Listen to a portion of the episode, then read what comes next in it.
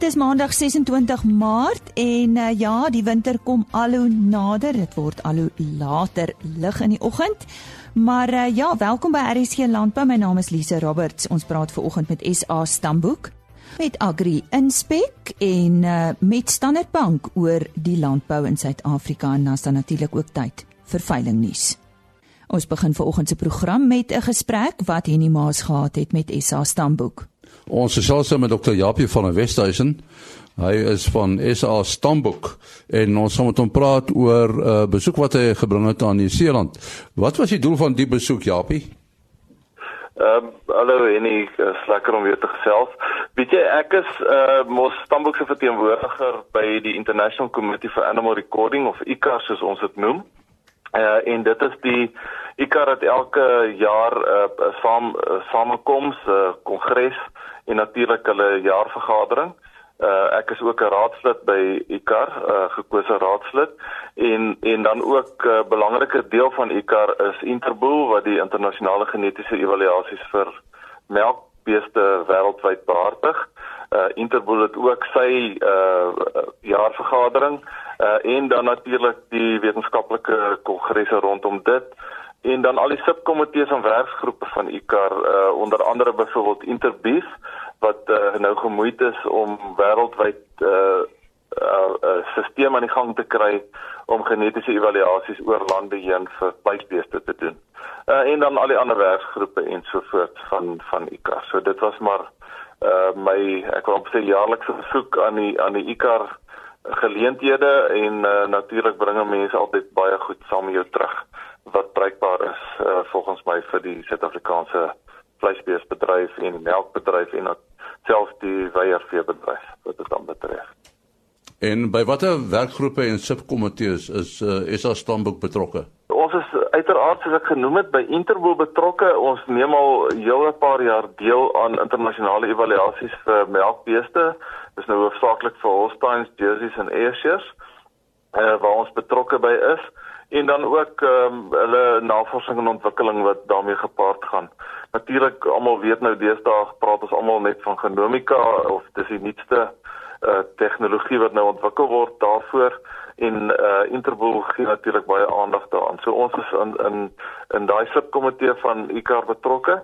Ek self was vir uh, hele klompe jare op die uh melkaantekening vir melkbeeste werksgroep uh, wat natuurlik die standaarde en die in riglyne saamstel en die verwerkings sien nou maar laktasiekurwes ensovoorts. So dit is uh, ek was lank daarbey betrokke. My werkstrek het nou beteken dat ek maar uh, hom moes verwel roep en dan is ek ook op die sogenaamde steering committee uh van Interbeef. Uh ons is besig binne in Interbeef behalwe nou die standaarde vir aantekening en so aan uh, om te kyk hoe kan ons uh, dit regkry om in die toekoms ook oor landsgrense heen uh genetiese evaluasies vir uh vleisbeeste daar te stel. Met ander woorde, as jy nou sê net maar 'n Angus van Amerika wil invoer, uh hoe gaan sy uh, genetiese meriete in op die Suid-Afrikaanse skaal lyk? Like, gaan sy kalvers geneties beter wees hier um, as ander bulle wat ook elders in die wêreld.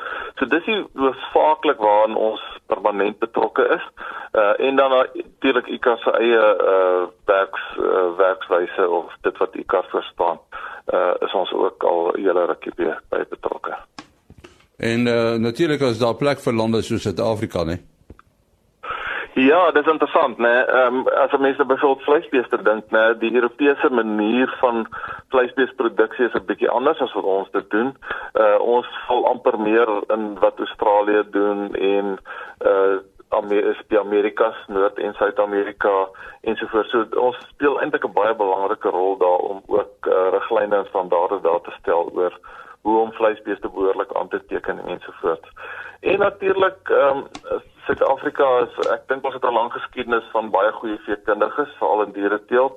Ehm um, destyds het ehm um, het ons al be belang terug het ons al begin betrokke raak uh, Dr. Jan Hofmeyer destyds uh, by ICAR se uh, se werksaamhede. Hy was eintlik 'n voorloper wêreldwyd wat dit aanbetref en so het ons ook by Interpol betrokke geraak uh, oor tyd.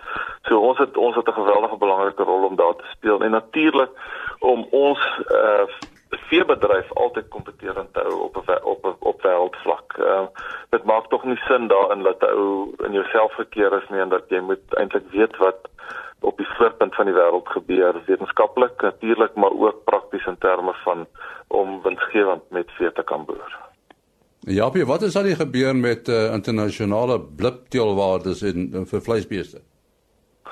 Ja, ek het nou genoem uh rondom interbeef.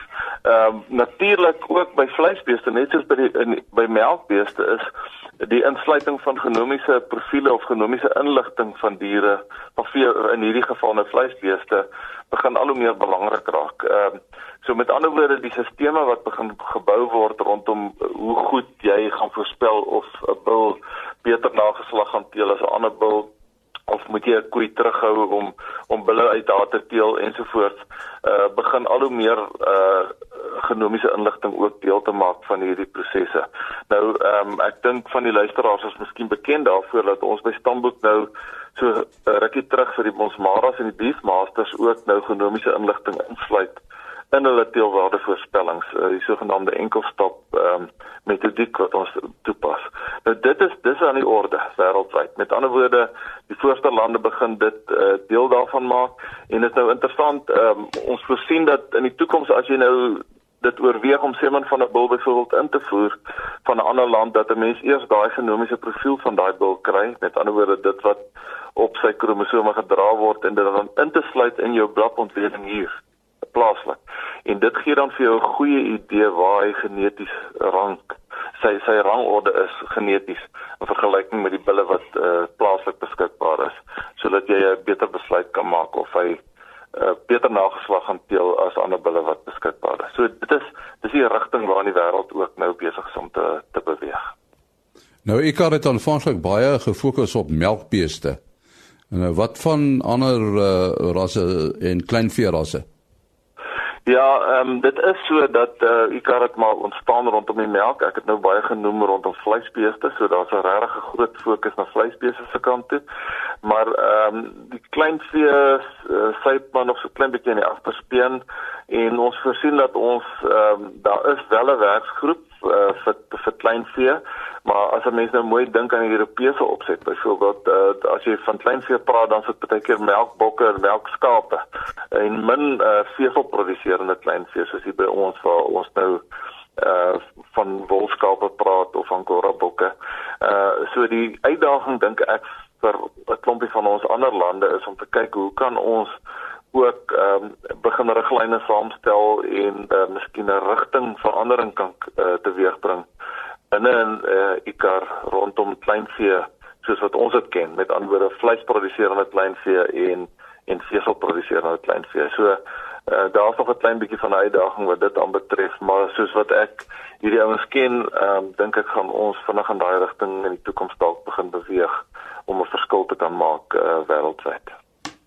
Nou, tot watter mate voldoen Suid-Afrikaanse aantekening en evaluasiestelsels uh aan die internasionale riglyne uh, nou wat deur ICAR bepaal word. Ja, uh weet jy dit is uh ICAR wat hulle noem 'n certificate of uh, quality met ander woorde 'n kwaliteitsertifikaat. So daar's 'n tamelike dik uh handleiding of uh, riglyne by ICAR wat nou al hierdie verskillende aantekeninge stel of moontlike aantekening beskryf en wat uh hulle praat nou eintlik van 'n golden standard met ander woorde die standaard wat wat jy moet aan voldoen en jy kan dan aansoek doen by ICAR om te sê ek dink my stelsel voldoen aan hulle standaarde en uh, ek wil geëvalueer word. Uh en dan stuur hulle eintlik 'n groep uh lede uit of uh, uh sogenaamde experts uit uh wat van die paneel van uh, wat op, op paneel dien wat uh, wat dan kom kyk of jy aan daai standaarde voldoen.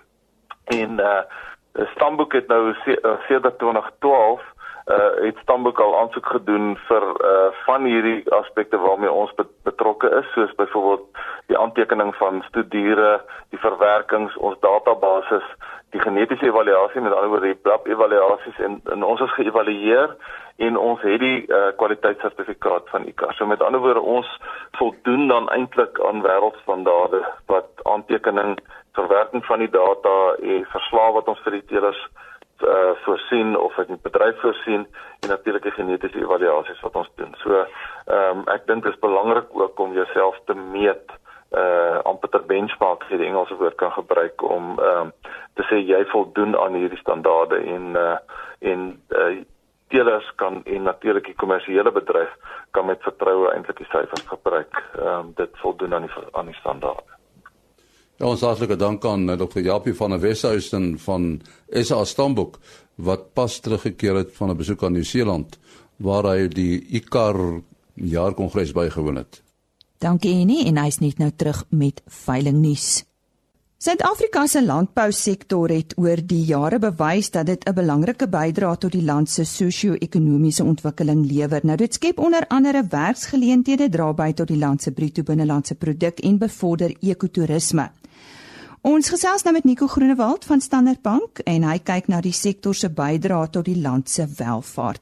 Nou uh, Nico, julle is van mening dat landbouproduksie in Suid-Afrika in 3 kategorieë val. Wat is hierdie kategorieë?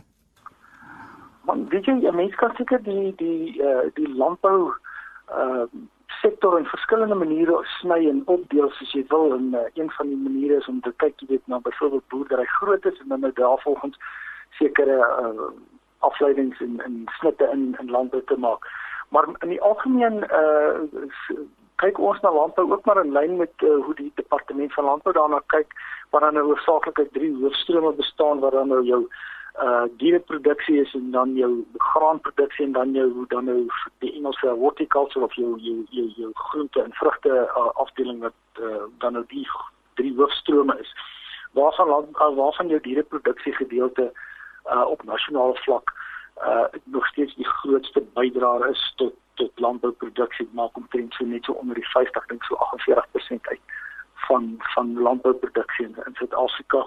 En dan natuurlik nou uh, uh grane wat omtrent so 24 25% uitmaak maar nou met mense ook in gedagte hou.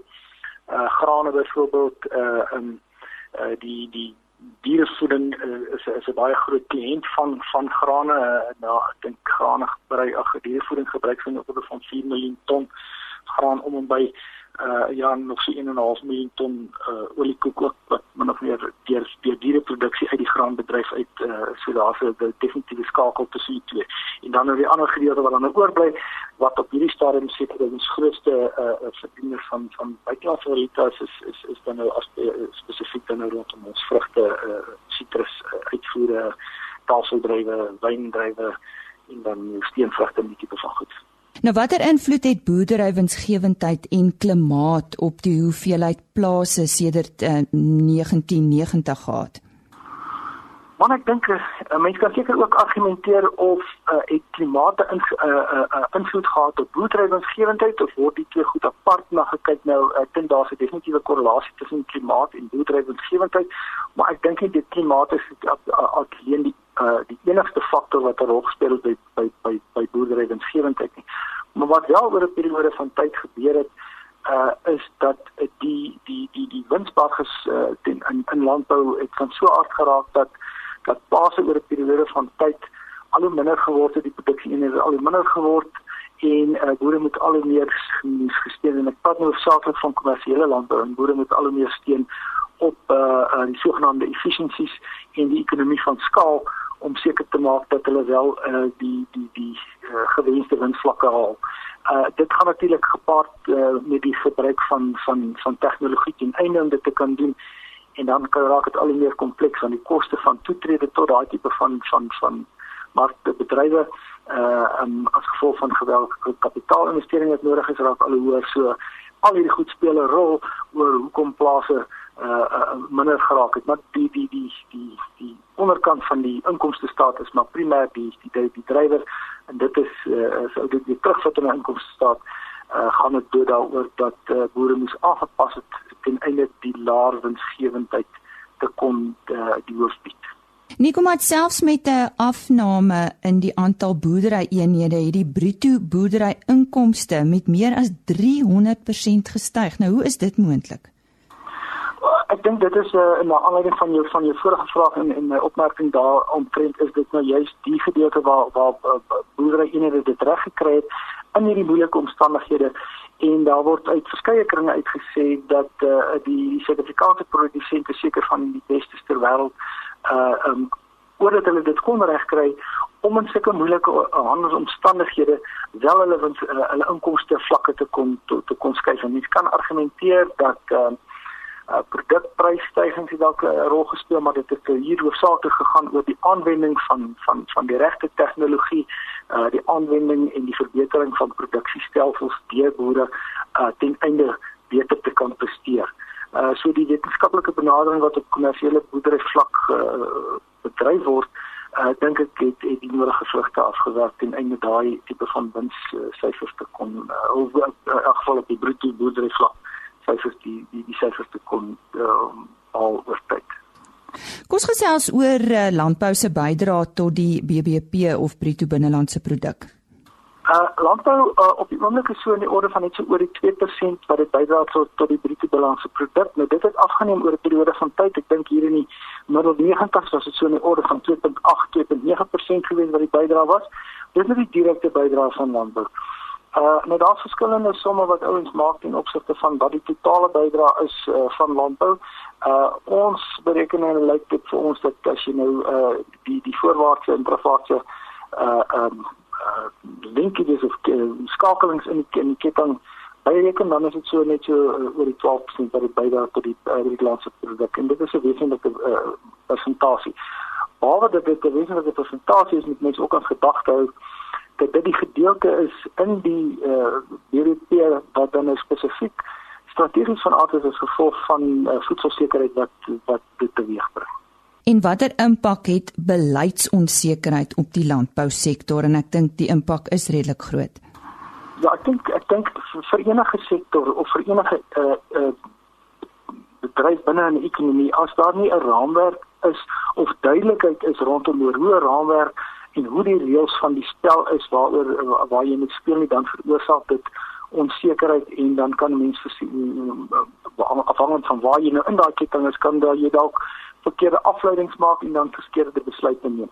So dit is krities belangrik dat beleidsekerheid uh in 'n bepaalde rigting en 'n visie vir uh, 'n uh, bedryf daar is sodat die uh, deelnemers van daai bedryf weet waar hulle die bedryf op pad en wat hulle moet doen om binne die reëls van die spel te speel. Die stem daarvan Nico Groenewald. Hy is hoof van agribesigheid by Standard Bank. Ons gesels Woensdagoggend verder met hom oor uh, die groei in die landbousektor en wat dit beïnvloed.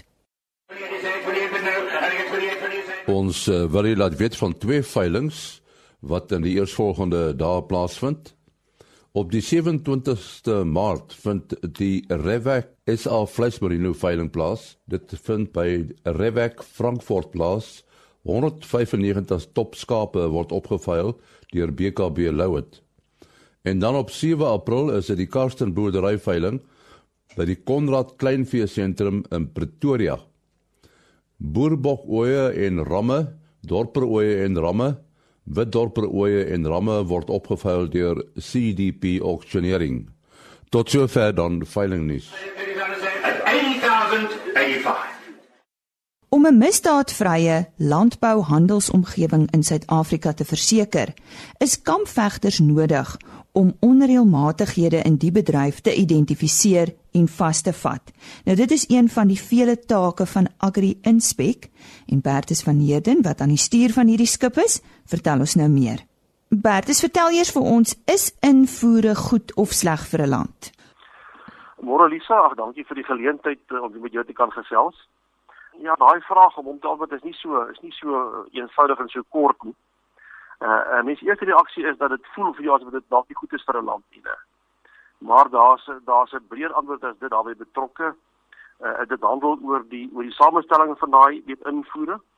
Ehm um, en dan ook met wat ingevoer word, né. Uh as ons kyk na land se ekonomie, dan is dit so dat uh, dat uitvoere die land se ekonomie weet sterk stimuleer. Ek bedoel daarmee is dat dat vir die uitvoere word daar meer goedere en dienste weet vervaardig dit lei tot verhoogde ekonomiese aktiwiteite wat weer verbruiksbesteding en owerheidsbesteding weet uh, verhoog. Uh en dan sodra die uitvoer plaasvind, dan word buitelandse valuta verdien. Uh die valuta vloei die land binne en dan weer eens word daar weer verder ekonomiese aktiwiteit gestimuleer. uh wat weer ekonomiese groei veroorsaak. So dit is duidelik dat die dat die uitvoer die uitvoerkomponent uh, baie definitief gekorreleer is met ekonomiese groei.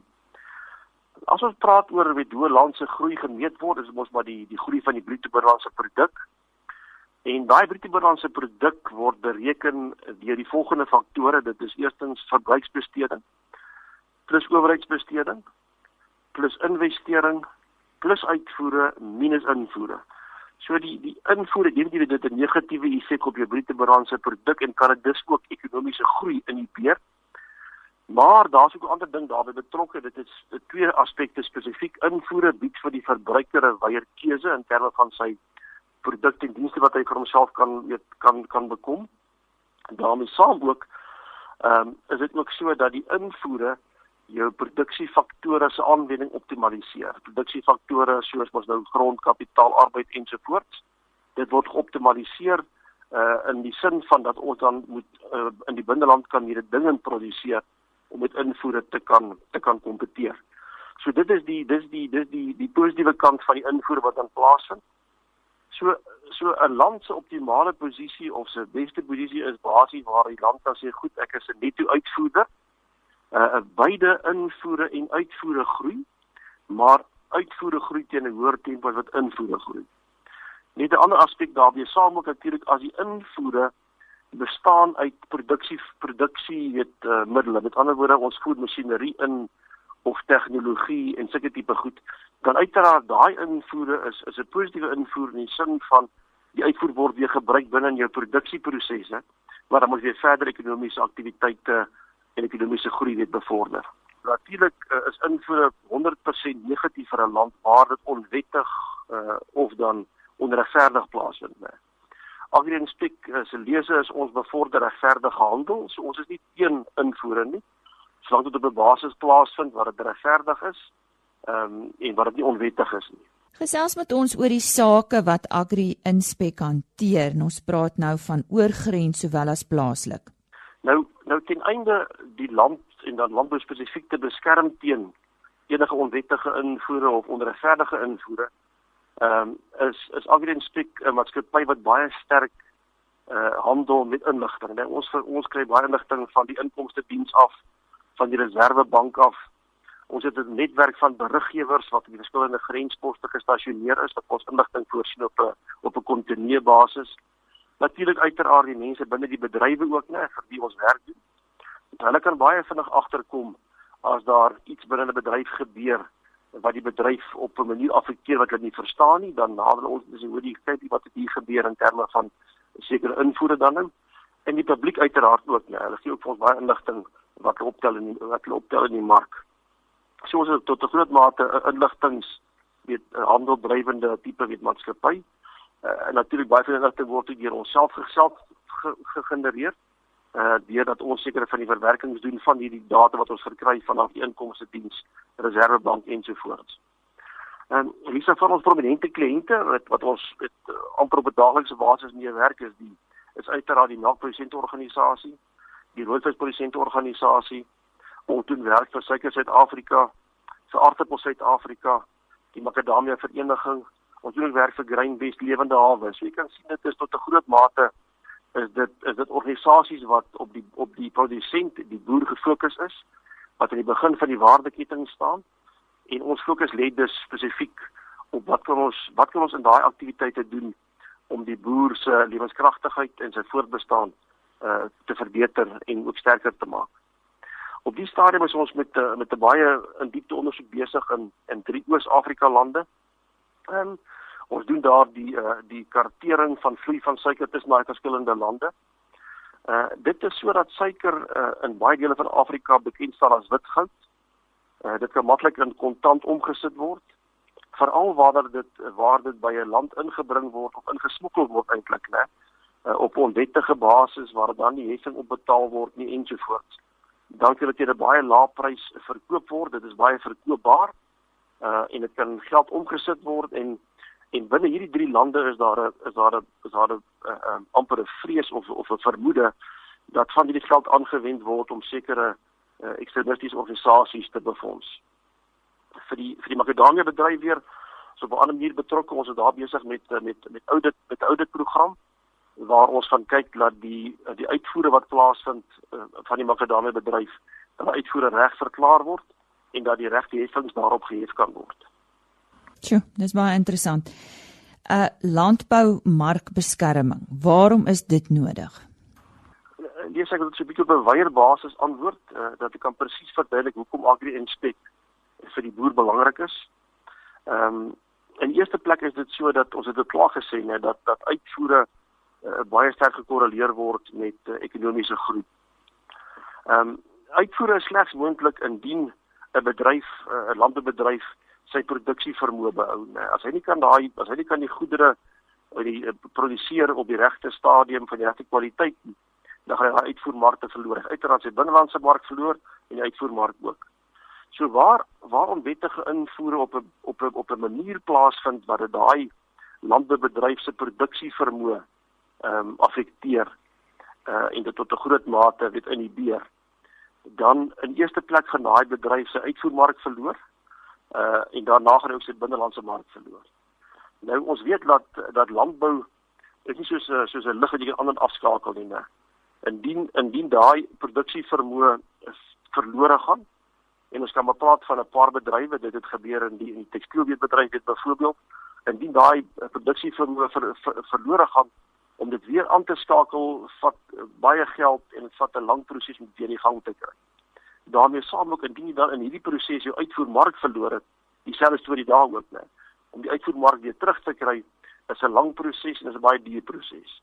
So so in die eerste plek is ons fokus daar uh, om te verseker dat enige invoere wat plaasvind uh nie uh die produksie vermoë van 'n van 'n land of van 'n bedryf negatief beïnvloed nie. Om hier af te sluit Bertus, uh, wat is Agri Inspek se kernvermoëns en julle bates? Lisa, goed, eerstens is dit die mense wat wat vir ons werk. Het ons het 'n wye netwerk van soos gesê beriggewers. Ja, ons het voltydse mense. Ons het ook ons het ook mense wat ons gebruik op 'n kontrakbasis soos wat daar dan nou in sekere areas met werk ontstaan. So dit is die dis die dis die, dis die menslike faktor wat vir ons uh, baie sterk bekeer kernbate is.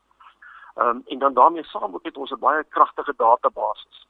Uh, is 'n verwerkingsinstrument wat ons op 'n op 'n baie vinnige amper die druk van 'n knoppie kan ons letterlik ehm um, uh, weet ek wil amper sê weet 10000de uh, transaksies uh, wat deur uh, douanelike seins byvoorbeeld vasgelê word ons dit verwerk in 'n baie verbruikersvriendelike tipe van verslag wat dan dadelik met aan die aan die kliënt uitgestuur kan word. Uh so dis daai vermoë om hierdie geweldige hoeveelheid data te verwerk uh, binne 'n verstaanbare konteks wat vir ons 'n baie baie sterk kernvermoë is. So baie dankie aan uh, Bertus van Heerden van Agri Inspek en hy het natuurlik uh, vir ons uh, goeie nuus gehad oor hoe ons as landbouers se mark ook beskerm word. Dis dan alwaar vir ons tyd het vir oggend. Onthou môre oggend weer in te skakel vir RSC Landbou net so na 05:30. Totsiens. RSC Landbou is 'n produksie van Plaas Media. Produksieregisseur Henny Maas. Aanbieding Lisa Roberts. En inhoudskoördineerder Jolandi Root.